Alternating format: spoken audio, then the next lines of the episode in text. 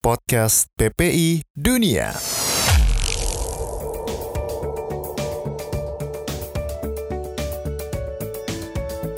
Selamat datang Sobat PPI, selamat datang di episode pertama podcast PPI Dunia. Ini adalah pertama kalinya podcast PPI Dunia ini rilis di Spotify, Anchor, dan juga seluruh audio streaming platform. Dan juga tentunya seperti yang ada di trailer yang sudah diupload sebelumnya, Syafiq hari ini bakal ditemani oleh orang yang luar biasa banget. Dan tentunya juga hari ini bisa dibilang berpengaruh banget karena yang hadir adalah koordinator PPI Dunia. Halo Mas Anam. Halo Syafiq, Assalamualaikum Sobat PPI seluruh dunia. Waalaikumsalam warahmatullahi wabarakatuh. Gimana kabarnya Mas Anam? Alhamdulillah sehat. Syafiq gimana? Sehat? Baik baik Alhamdulillah. Ini kabar baik juga Mas karena sekarang update-nya lagi baik-baik gitu ya. Meskipun kemarin ada kecelakaan pesawat, tapi hari ini Oh, iya. vaksin pertama kali disuntikkan kayak gitu ya. Ya, Ini ya mungkin karena tadi Syafiq juga udah buka ya. Hmm. Di kesempatan pertama ini podcast PPI Dunia kita memang uh, diawali dengan berita duka ya 2021 60-an orang ya Yap, eh, betul. korban dari Sriwijaya 182 Jakarta Pontianak yang terkonfirm memang sepertinya semuanya korban meninggal dunia.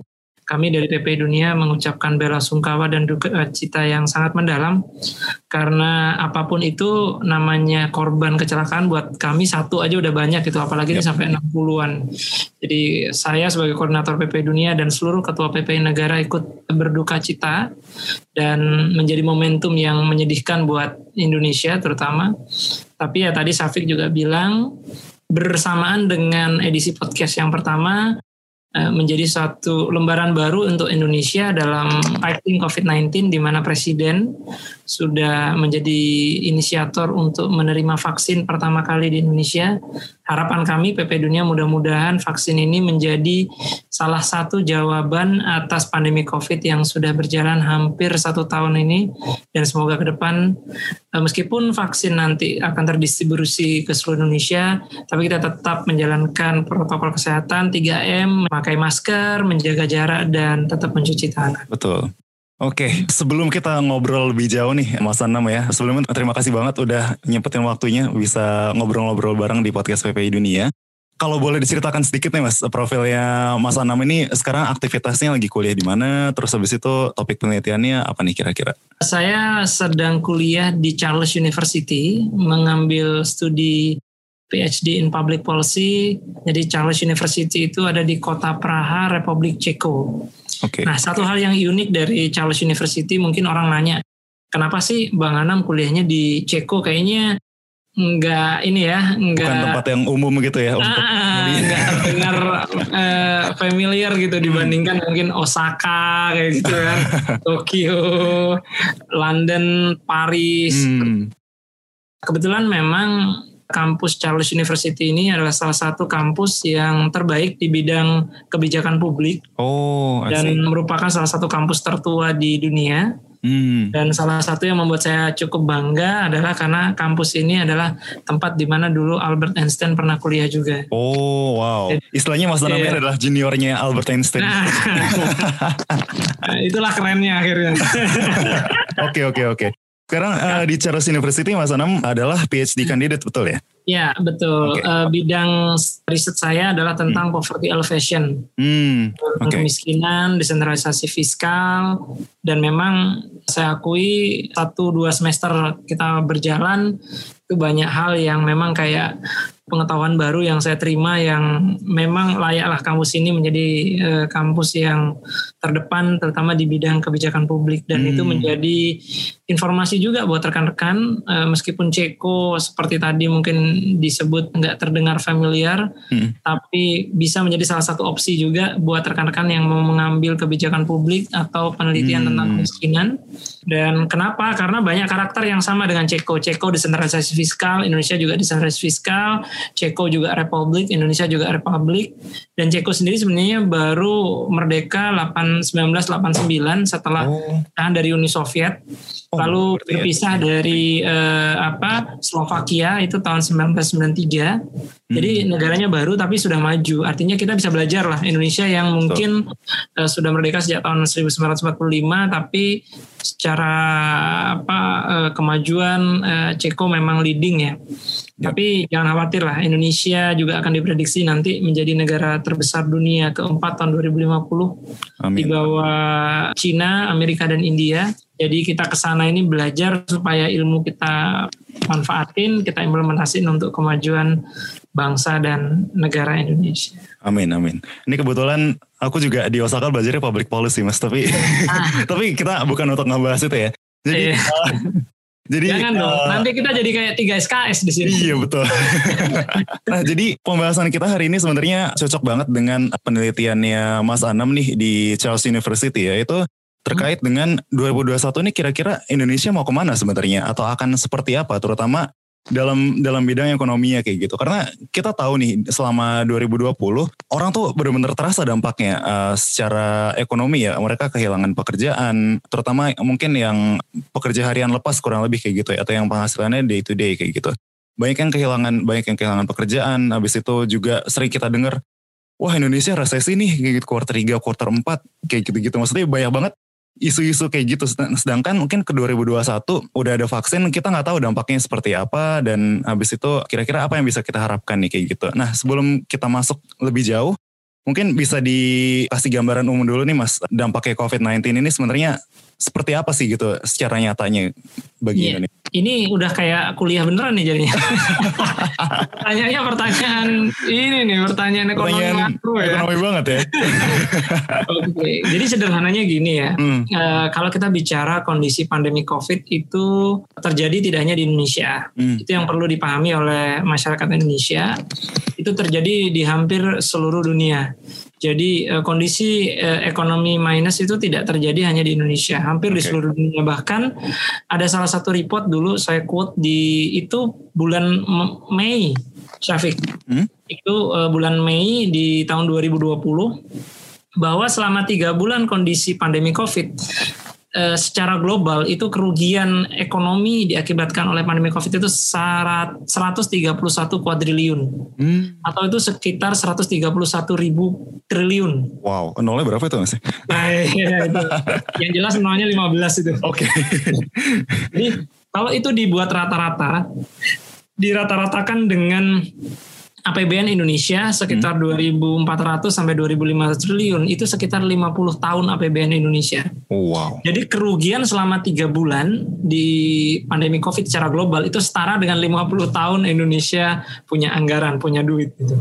Itu bisa dibayangin kayak wow gitu. bisa dibayangin tiga luar biasa bulan. Iya, iya, iya, luar biasa sekali. Artinya ini menunjukkan dampak ekonominya luar biasa. Hmm Bahkan kalau kita bicara kondisi normal, ini jauh lebih parah dibandingkan ketika ada uh, mega mega trust rush tahun uh, eh, 2008 ketika kondisi uh, adanya terjadi krisis ekonomi krisis di Amerika. Ekonomi, iya betul. Ya, uh, uh, lalu kemudian di tahun 1938 ketika pasca Perang Dunia Pertama. Nah, perbedaannya apa?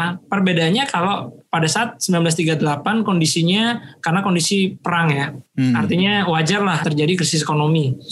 Kalau di tahun 2008 itu kan uh, subprime mortgage terjadi karena adanya uh, permasalahan di investasi perumahan di Amerika yep. yang berdampak bayar. akhirnya secara efek domino ke seluruh dunia kan kira-kira gitu. Karena banyak negara berinvestasi di Amerika Betul. karena investasinya turun akhirnya berdampak ke semua orang. Nah, kalau sekarang ini kondisi kan sebenarnya kondisi normal gitu loh. Artinya yep. orang kondisi baik-baik saja, ekonomi sedang menanjak.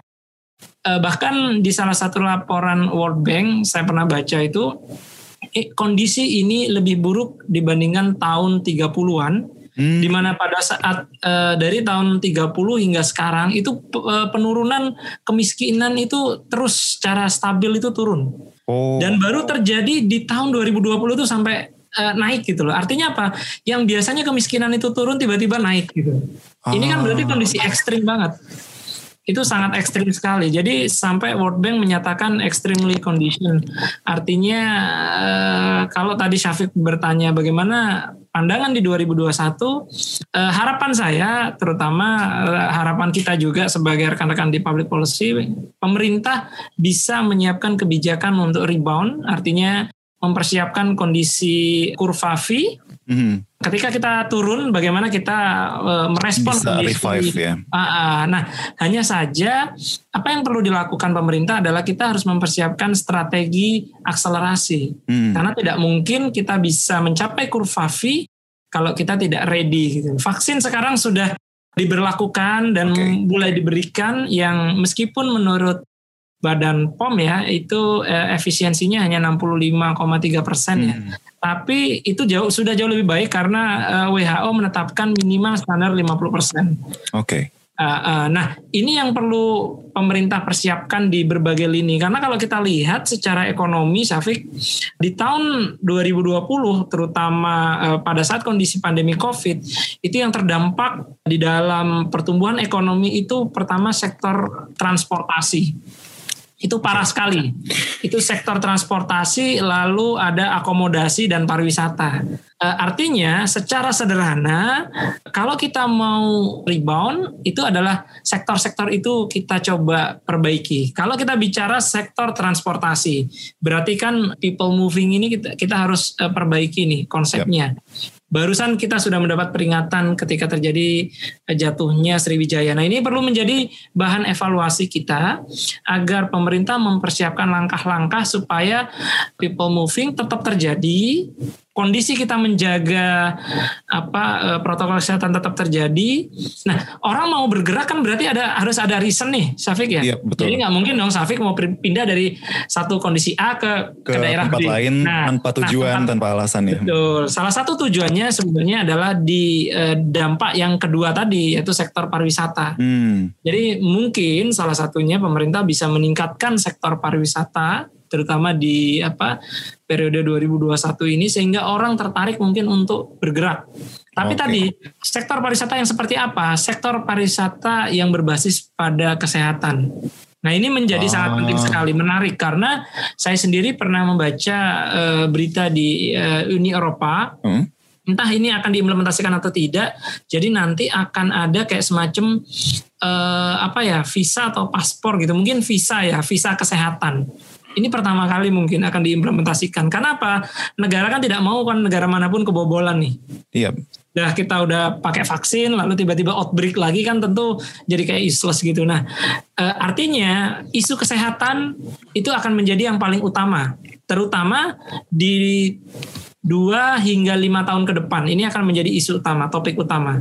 Hmm. Jadi berarti pertama yang harus kita perbaiki di 2021 adalah tentang isu kesehatan Lalu tadi kita bicara isu pariwisata, pariwisata sektor juga. pariwisata, hmm. sektor uh, people moving, pergerakan, transportasi. Ya.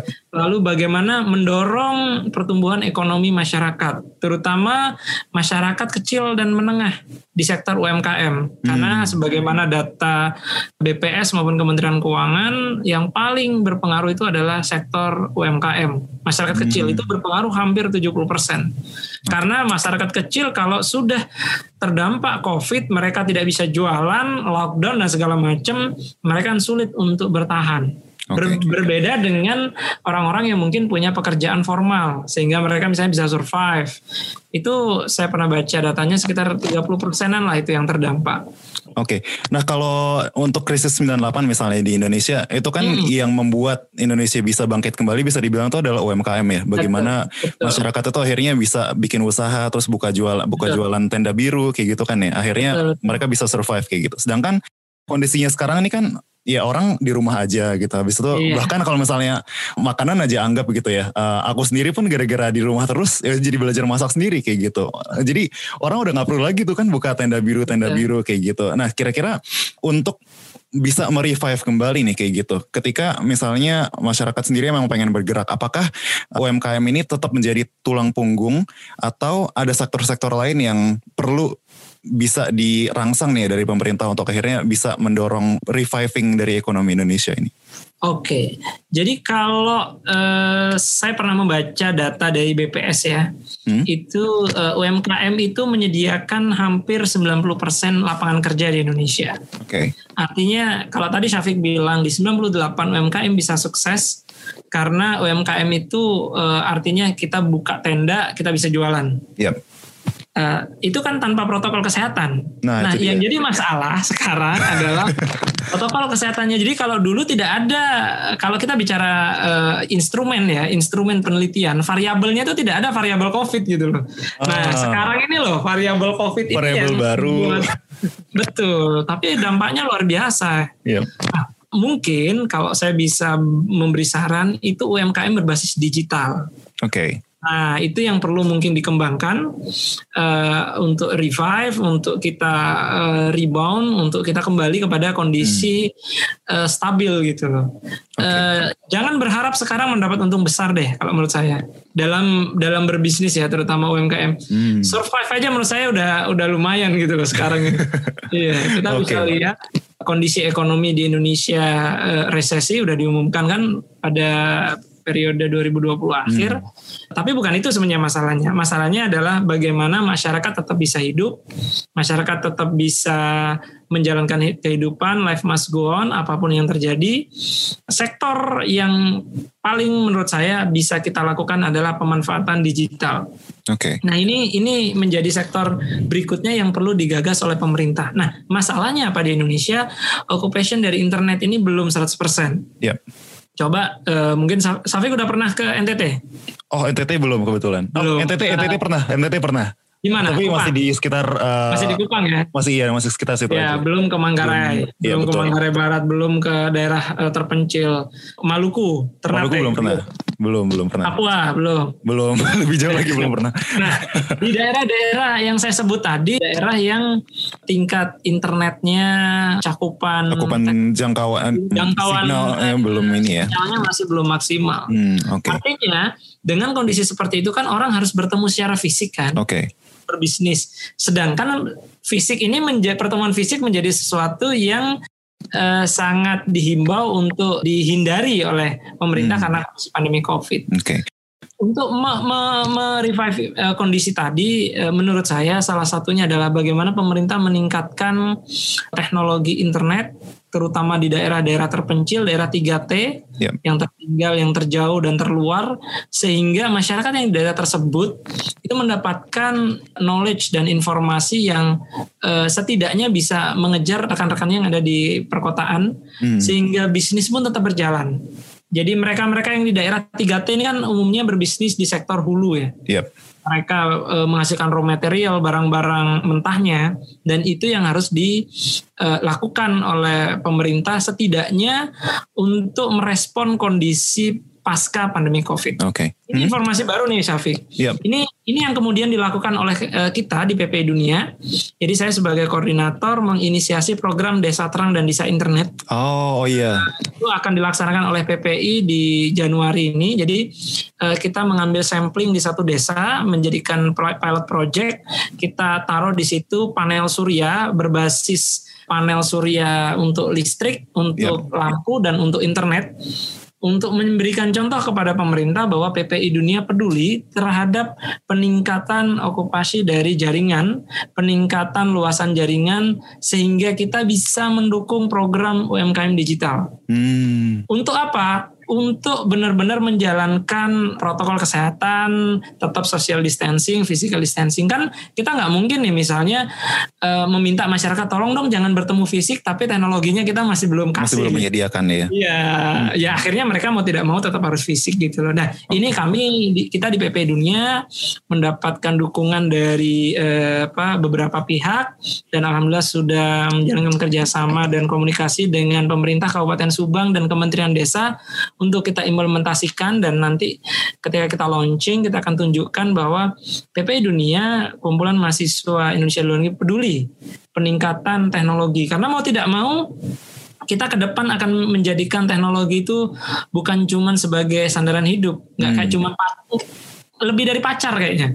Coba deh teknologi. Iya, orang bangun tidur bukan Iya, pacar betul. yang dicari kan. Betul. Yang dicari langsung handphone. Handphone kayak gitu. Terus Nah, harian kita duduk depan laptop juga kayak gitu. Iya. Iya. Cuma mungkin yang yang menjadi concern juga gitu ya Mas adalah ketika tingkat kemiskinan di Indonesia secara data kalau nggak salah meningkat ya karena karena Ya, adanya iya. Covid ini kemudian juga itu belum include dengan eh, orang-orang yang kerjanya sehari-hari misalnya jualan nasi goreng, jualan bakso, habis yang kerjanya sehari-hari itu juga mereka kehilangan pendapatan kayak gitu. Nah, betul. dengan dengan kondisi mereka seperti itu menuju digital ini kan mereka butuh teknologi gitu kan ya butuh Ya. punya device yang uh, sufficient yang cukup kayak gitu. Kemudian koneksi internet yang itu semuanya butuh pendanaan juga kayak gitu.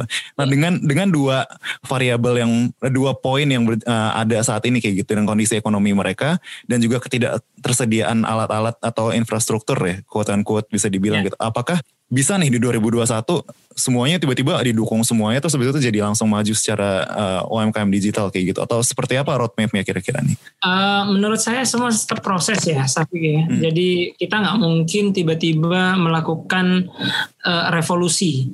Proses itu eh, dalam bisnis itu pasti ada apa? Ada penyesuaian ya. Yap. Eh, pertama kita hadirkan infrastrukturnya dulu. Jadi pengadaan apa eh, internet di seluruh area-area yang remote area. Lalu kemudian kita sosialisasi terhadap masyarakat bagaimana penggunaan eh, internet itu. Karena internetnya ada, tapi orang yang make nggak bisa kan percuma juga. Betul, itu dia Iya, masalahnya Iya. juga. Nah, jadi harus tetap dua komponen. Jadi bagaimana penyediaan teknologinya, lalu mengedukasi masyarakat agar mengoptimalkan penggunaan teknologi tersebut. Oke, Karena menjadi tidak mudah buat pemerintah, terutama pemerintah Indonesia. Saya pernah diskusi dengan profesor saya, itu beliau sampai tepuk jidat gitu. Saya sebagai ahli kebijakan publik yang eh, memberikan eh, advice kepada pemerintah Ceko mendengar cerita Anda tentang Indonesia belum tentu saya bisa bayangkan kita itu ada 17.000 pulau. Iya, ya terbentang sekian luas. Eh, daerahnya sangat jauh gitu loh. 270 juta penduduk. Bayangkan dengan Ceko yang tidak punya laut. Indonesia punya 99 ribu kilometer panjangnya garis pantai yang Hmm. termasuk garis pantai terpanjang di dunia. Itu nggak nggak mudah ngaturnya. Nggak mudah ngaturnya gitu loh. Jadi kendala geografis itu menjadi salah satu faktor yang berpengaruh juga terhadap akselerasi dari ekonomi maupun apa, investasi di UMKM digital. Tapi menurut saya kalau kita tidak mulai sekarang, kapan lagi? Mumpung ada momentum. betul. Seperti misalnya orang dulu pakai teknologi Zoom untuk meeting kayaknya aneh, untuk kuliah kayaknya aneh. Sekarang kan menjadi hal yang biasa. Iya. Nah momentum ini kalau terus dikejar akan membuat orang menjadi terbiasa. Nah kebiasaan ini kan tentunya akan positif Hmm. akan menjadi pembelajaran. Jadi dengan sistem learning by doing, masyarakat yang mungkin memiliki pemahaman teknologi rendah bisa kita dorong dengan sosialisasi, pemahaman dan peran kita PP Dunia kita juga akan coba ngambil peran di situ. Jadi Yap. mengedukasi masyarakat di daerah 3T agar melek teknologi. Oke. Setelah melek teknologi, tahu penggunaan teknologi, baru kita ajarkan. Oh ini loh Pak, Bu, proses untuk jualan. Oh Pak, Bu, untuk ini. Jangan salah loh, mungkin kita merasa teknologi itu, ah nggak mungkin orang nggak tahu handphone. Tapi di daerah pedalaman yang mungkin bahkan ngelihat handphone aja hal baru itu masih banyak di Indonesia gitu. Jadi coba rekan-rekan atau teman-teman berpikir dari helikopter view melihat Indonesia tidak hanya Jawa, Kalimantan, Sumatera yang Iya. populasinya eh, secara umum atau Sulawesi mereka well educated gitu. Tapi daerah-daerah timur saudara-saudara kita yang masih bahkan mungkin belum pernah melihat teknologi, belum pernah melihat Hmm.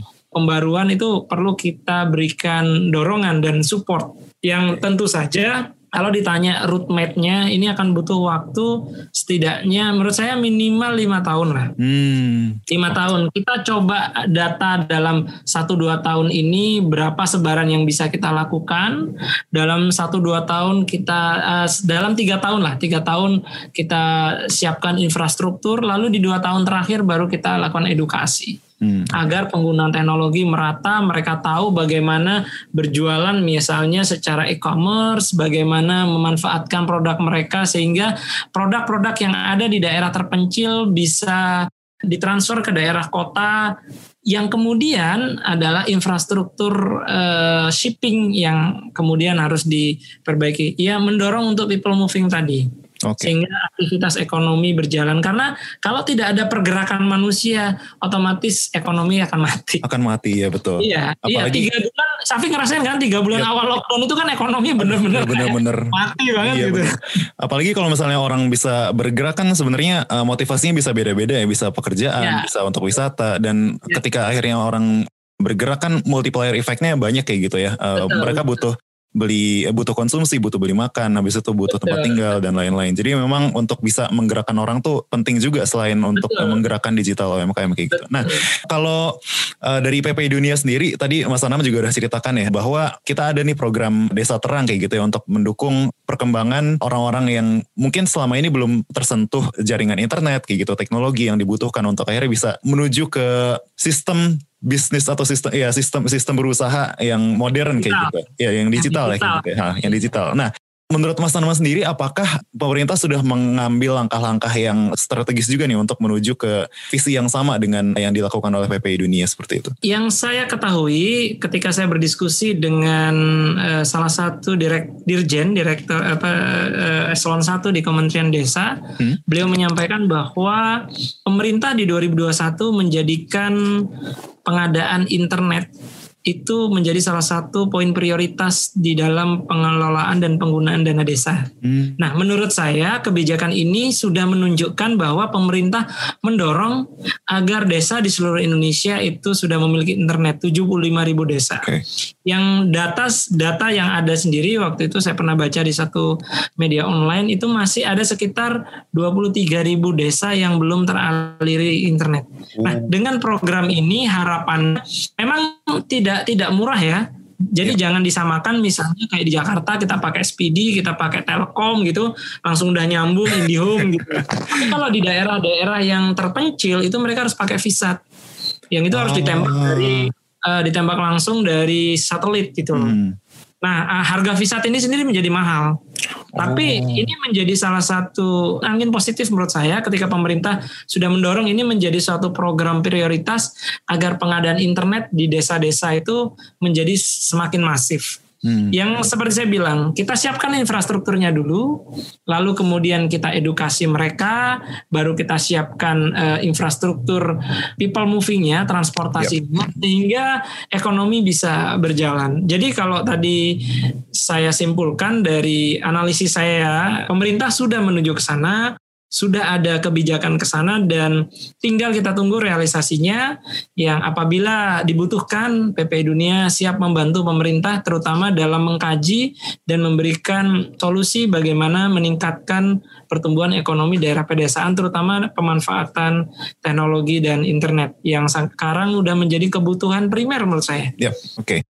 Nah, kalau kita balik lagi ke awal-awal perbincangan kita, Mas, tadi kita sempat ngebahas juga atau nyinggung dikit tentang vaksin yang baru hari ini ketika kita take ini ya, tanggal 13 Januari 2021, akhirnya 13. disuntikan ke Pak Jokowi, habis itu kalau nggak salah Pak Panglima juga ya, Panglima TNI, terus ada Kapolri, Kapolri, terus habis itu Raffi ada Ahmad. Raffi Ahmad ya, influencer juga yang akhirnya disuntik kayak gitu. Nah, kira-kira menurut Mas Anam sendiri nih, seberapa besar sih efek yang bisa diberikan eh, vaksin terhadap perkembangan atau re- ya reviving kita dalam eh, apa namanya segala hal yang bisa dibilang terpuruk di tahun 2020 ini? sangat besar.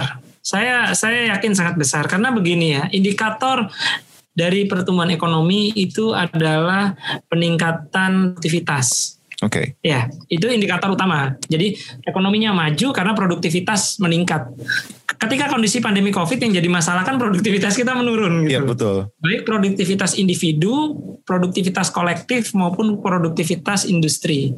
Oke, Yang itu tercermin kalau dalam eh, ekonomi klasik kita menggunakan parameter PDB, pendapatan domestik bruto yang itu menjadi mau tidak mau sebagai dasar bahwa berapa GDP kita, berapa PDB kita itu menunjukkan ekonomi kita maju. Nah, dengan adanya vaksin, eh, bahasa sederhananya orang jadi percaya diri untuk berproduksi, untuk bekerja. Hmm. Otomatis kalau produktivitas nanti meningkat, maka ekonomi juga akan meningkat. Kan dalam teori sederhananya Robert Solo, fungsi Y itu kan sama dengan fungsi labor dan Nah. capital. itu adalah produ- produktivitas kan. iya iya. Iya. kalau ekonomi mau maju, maka meningkatkan produktivitas. Nah, dengan adanya vaksin, orang menjadi lebih percaya diri, produktivitasnya akan naik. Nah, kalau produktivitas akan naik, maka barang-barang akan terproduksi. Ketika barang-barang terproduksi, maka distribusi barang ekonomi akan berjalan. Nah, ini juga didukung oleh apa? Investasi dari investor. Investor akan menjadi yakin kan? Iya. Misalnya Syafiq mau investasi di satu tempat, lihat nih tempat aman nggak? Kira-kira kalau saya investasi bagus nggak? Nah dengan adanya vaksin harapan saya juga kepercayaan investor tinggi yang indikatornya saya lihat e, rupiah menguat, IHSG juga positif. Nah, ini mendorong orang-orang mau berinvestasi dengan Indonesia. Kalau investasi masuk, maka industri berjalan, ekonomi berjalan, produktif berjalan. Harapannya secara domino efek ini akan mendorong pertumbuhan ekonomi. Hmm. Seperti itu. Berarti makanya meskipun efektivitas dari ya, efikasinya 60%, 65%, 65% ya dibandingkan dengan ya. jenis-jenis vaksin lain yang 90-an persen kita nggak bakal bahas teknis tentang itu gak, tapi gak. meskipun efikasinya tidak sebesar vaksin yang lain gitu tapi yang paling penting dari Sinovac ini adalah akhirnya ketika udah disuntikan bisa memboost confidence-nya dari orang-orang di Indonesia kayak gitu sehingga akhirnya bisa uh, produktif kembali kayak gitu sederhananya gini sih uh, saya saya dulu pernah nonton film saya lupa judulnya mungkin hmm. nanti teman-teman bisa ingetin ya jadi uh, itu ceritanya pesawat jatuh oke okay. yang akhirnya beberapa korban tapi beberapa survive Nah, tapi cara dia untuk survive adalah sambil memakan rekan-rekannya yang menjadi korban itu. Oh. Nah, itu sebenarnya kan hal buruk. Yep. Hal buruk yang belum tentu membuat dia akan bertahan hidup. Tapi dengan dia bisa makan, dia berpikir saya yakin saya akan hidup gitu. Bisa Padahal mungkin hmm. Uh, possibility dia hidup mungkin kurang dari 10% karena cuaca ekstrim, tidak ada suplai makanan. Kalau kita analogikan dengan tadi pertanyaan Safik eh, ini eh, efikasinya hanya 65 persen. Yep. Itu kan udah jauh daripada tadi yang cerita film tadi kan. Nah, yang penting itu bukan berapa persennya, tapi kepercayaan diri saja menurut saya. Hmm. Ketika masyarakat pulih kepercayaan dirinya, mereka mau keluar, mereka mau berproduksi, mereka mau berkreatif, mereka mau mengeluarkan ide-idenya karena secara psikologi manusia ketika tertekan, mereka ketika uh, dengan kondisi pandemi Covid yang seperti ini, orang kan mau ngapa-ngapain jadi males Oke. Okay. Mau berkreasi malas, mau punya ide ini malas, mau ini malas sehingga orang belum tentu bisa bergerak gitu. Tapi dengan adanya vaksin bukan berapa persennya sebenarnya yang kita lihat, tapi kepercayaan diri orang-orang itu yang membuat mereka menjadi tetap masih bisa bekerja, masih mau untuk e, melakukan aktivitas yang harapannya itu akan meningkatkan apa ya pertumbuhan ekonomi secara masif. Hmm. Meskipun sebenarnya yang saya baca di Turki itu uh, Sinovac tinggi ya. Efikasinya ya. Hmm. Ya, itu ya, Sinovac tinggi 90 persenan kalau nggak salah. Oh. Tapi di Indonesia 65 persen itu kan hal hal teknis yang saya sendiri bukan bidangnya untuk yep. bicara. Tapi saya hanya melihat bahwa uh, vaksin ini memberikan menginjeksi kepercayaan diri. Oke. Okay. Ya menginjeksi kepercayaan diri ya seperti film tadi sehingga ketika dia oke okay lah ini ada daging apa pun itu saya harus bertahan hidup. Nah, uh, yang membuat manusia bertahan hidup uh, survive itu adalah keinginan dia untuk tetap hidup. Tetap hidup ya. Keyakinan dia untuk tetap hidup. Nah, vaksin ini memberikan keyakinan itu. Hmm, okay. Meskipun efikasinya hanya 60 itu secara psikologi menurut saya karena um, manusia itu ketika dia punya keinginan untuk terus hidup, dia akan terus berkembang, dia bisa ini. Coba misalnya Safik udah tahu nih, wah, tahun depan nih si A mau mati misalnya. Si A nih tinggal 10 hari, kasih tahu ke si A, dia udah nggak bakal ngapa-ngapain. Udah nggak bakal apa-apain ya. tidur aja, gue tidur aja, gue sholat aja lah. dia nggak akan kerja itu pasti nggak akan kerja. Iya gitu. betul betul betul. Nah, sebenarnya itu tadi menurut saya bukan berapa persennya, tapi ini akan memberikan orang kepercayaan diri. Nah kepercayaan diri itulah yang membuat orang bisa berproduksi dan menjadi pribadi yang lebih baik dan eh, optimisme itu penting. Okay. Optimisme itu penting untuk menjalani hidup ke depan, apalagi pasca pandemi COVID. Oke, okay. nah what can we see in 2021 mas? Maksudnya sekarang kita masih ada di bulan Januari, uh, vaksin pertama kali disuntikan secara bertahap, nantinya makin banyak lagi orang yang akan disuntik gitu ya, uh, step by step kayak gitu. Ya. Dan juga ini tentunya ya, yang dari tadi kita bicarakan kan harapannya bisa memboost confidence, bisa akhirnya membuat produktivitas orang-orang uh, naik lagi kayak gitu. Tapi kalau kita lihat misalnya satu tahun kalender kayak gitu, what can we expect out of 2021 mas? Di 2021 saya rasa yang orang harapkan itu adalah bagaimana vaksin ini bekerja, lalu kemudian kita mempersiapkan kondisi pasca vaksin dan memperhatikan apakah akan ada varian-varian baru seperti yang di Inggris dan di Jepang. Jepang yeah. kan iya. ada baru, varian baru baru masuk betul ya. Iya, yang empat orang dari Brazil itu. Iya kan. betul. Nah, ini ini hal-hal hal yang menarik juga kita kita uh, kaji juga. Ya kita tidak mau berandai-andai ya karena itu menurut saya di luar dari bidang saya. Tapi Yap. misalnya sudah vaksin tiba-tiba ada varian baru dan ternyata vaksin ini tidak mempan terhadap varian baru, Yang baru. Hmm. akan ada outbreak lagi. Jadi menurut saya 2021 itu adalah posisi wait and see. Saya ingat di tahun 2020 awal vaksin, eh awal COVID, saya berbicara dengan teman-teman saya, feeling saya, feeling pribadi saya eh, bukan berdasarkan membaca pendapat orang, tapi eh, saya merasa melihat ekonomi itu baru akan tumbuh di 2022, Hmm. Bukan di 2021. Oke. Jadi ibaratnya di 2021 kita udah down banget.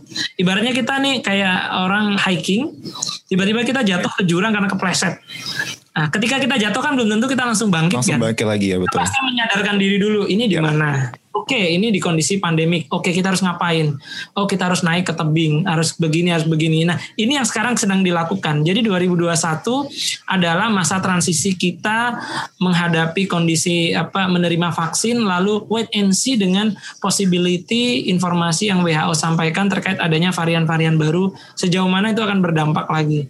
Apabila memang nanti di menurut saya di kuartal ke apa ya ketiga mungkin ya Itu artinya bulan Juli ya. Oktober. Iya Juli, iya Juli, Juli, sampai Oktober ya, Sampai Juli sampai Oktober ya. Eh, Begitu kita melihat ternyata semua efektif, vaksin berjalan efektif, lalu tidak ada outbreak lagi dan kemudian pandemik ini eh, segera mendekati akhir, Yap. baru orang mulai mencoba untuk pulih yang seperti saya bilang ketika kita dari tebing kita mulai mikir oh ini naiknya lewat sini oh ini kita harus untuk berdiri ke sini jadi tidak mungkin langsung di 2021 langsung kayak apa before Tiba-tiba before after gitu ya. Ah. tidak ada tidak ada yang tiba-tiba dalam dunia ini. Hanya sulap aja kan yang tiba-tiba ada tiba-tiba nggak ada. Itu pun trik kan gitu.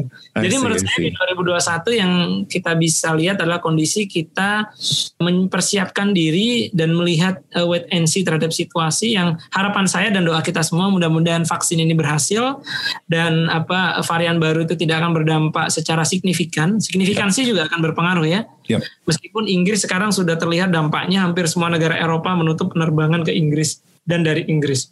Yap. Di kuartal ketiga, vaksin ini berjalan efektif, lalu ekonomi sudah mulai pulih, orang berani keluar, baru kita bisa berharap di 2022 awal ekonomi bisa kembali seperti halnya sebelum kondisi pandemi COVID. I see. Intinya berarti kita masih harus bersabar dulu kayak gitu ya, melihat Sabar, betul. harus tetap menjalankan 3M juga kayak gitu dan Ya, pemerintah juga menjalankan menjalankan 3T.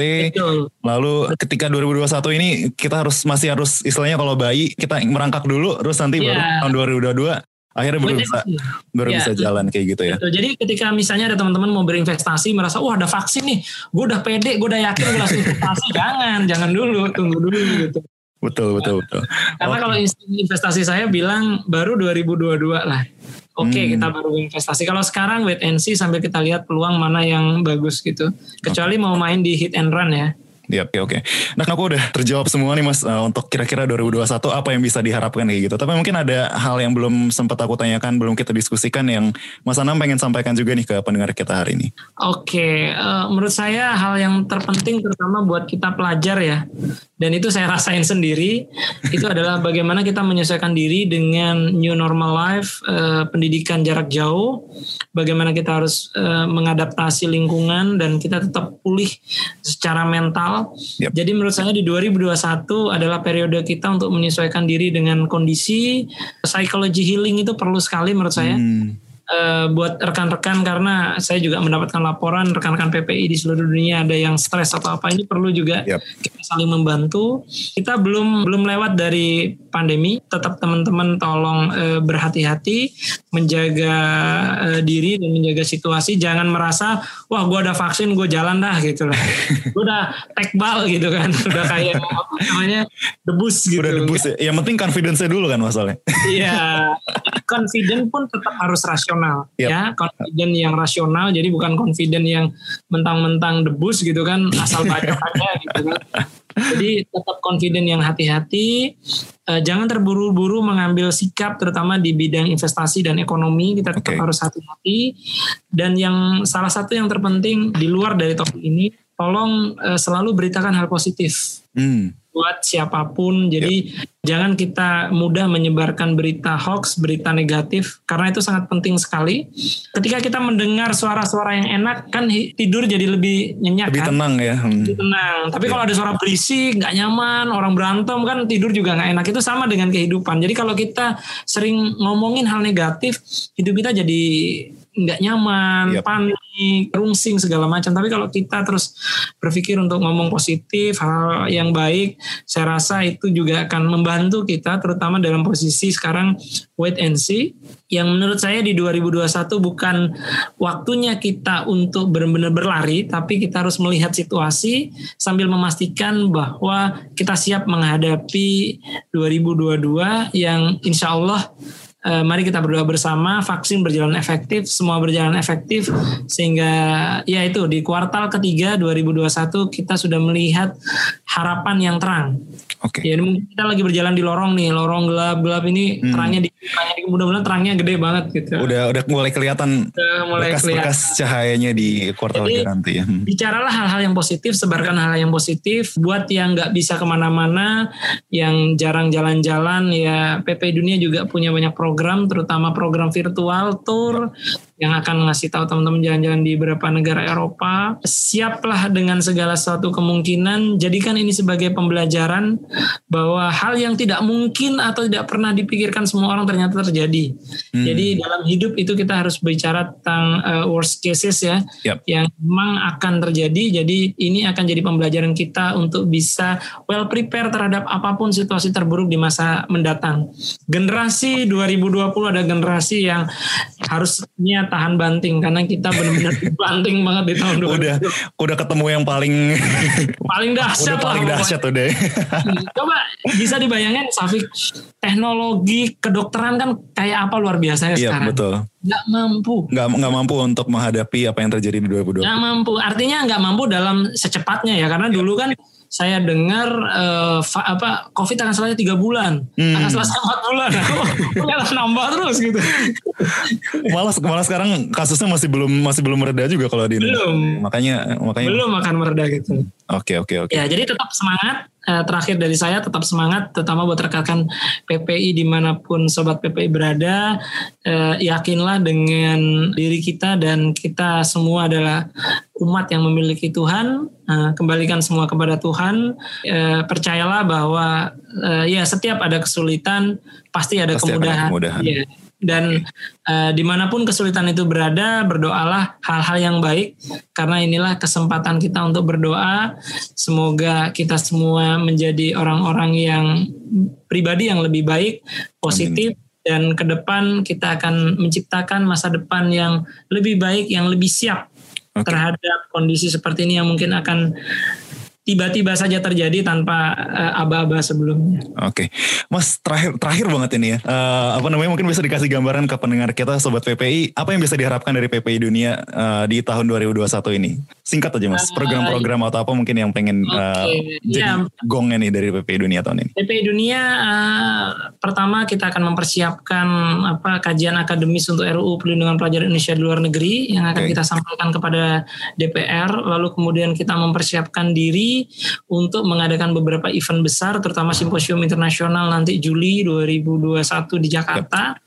Kita juga punya program uh, apa PPI Goes to Indonesia yang akan mendeliver informasi pendidikan di 34 provinsi di seluruh Indonesia. Ini menjadi hal pertama yang dilakukan oleh PPI dalam bagaimana PPI berkontribusi langsung terhadap peningkatan kualitas pendidikan di Indonesia karena dari pendidikan inilah ekonomi akan maju negara akan sudah banyak riset yang menunjukkan kualitas pendidikan bagus maka ekonomi dan kemajuan suatu negara juga akan jadi lebih baik lalu kemudian program kegiatan peduli masyarakat juga akan kita laksanakan kita ada program Parama yang itu juga untuk membangun desa daerah tertinggal juga di daerah Bangka Belitung okay. dan kita juga akan bekerja sama dengan beberapa pihak untuk membangun perpustakaan PPI dunia hmm. yang itu juga akan bertujuan untuk meningkatkan literasi dan kita coba membantu rekan-rekan kita yang berkebutuhan khusus disabilitas agar mengencourage semangat mereka dalam bidang pendidikan maupun e, berkarir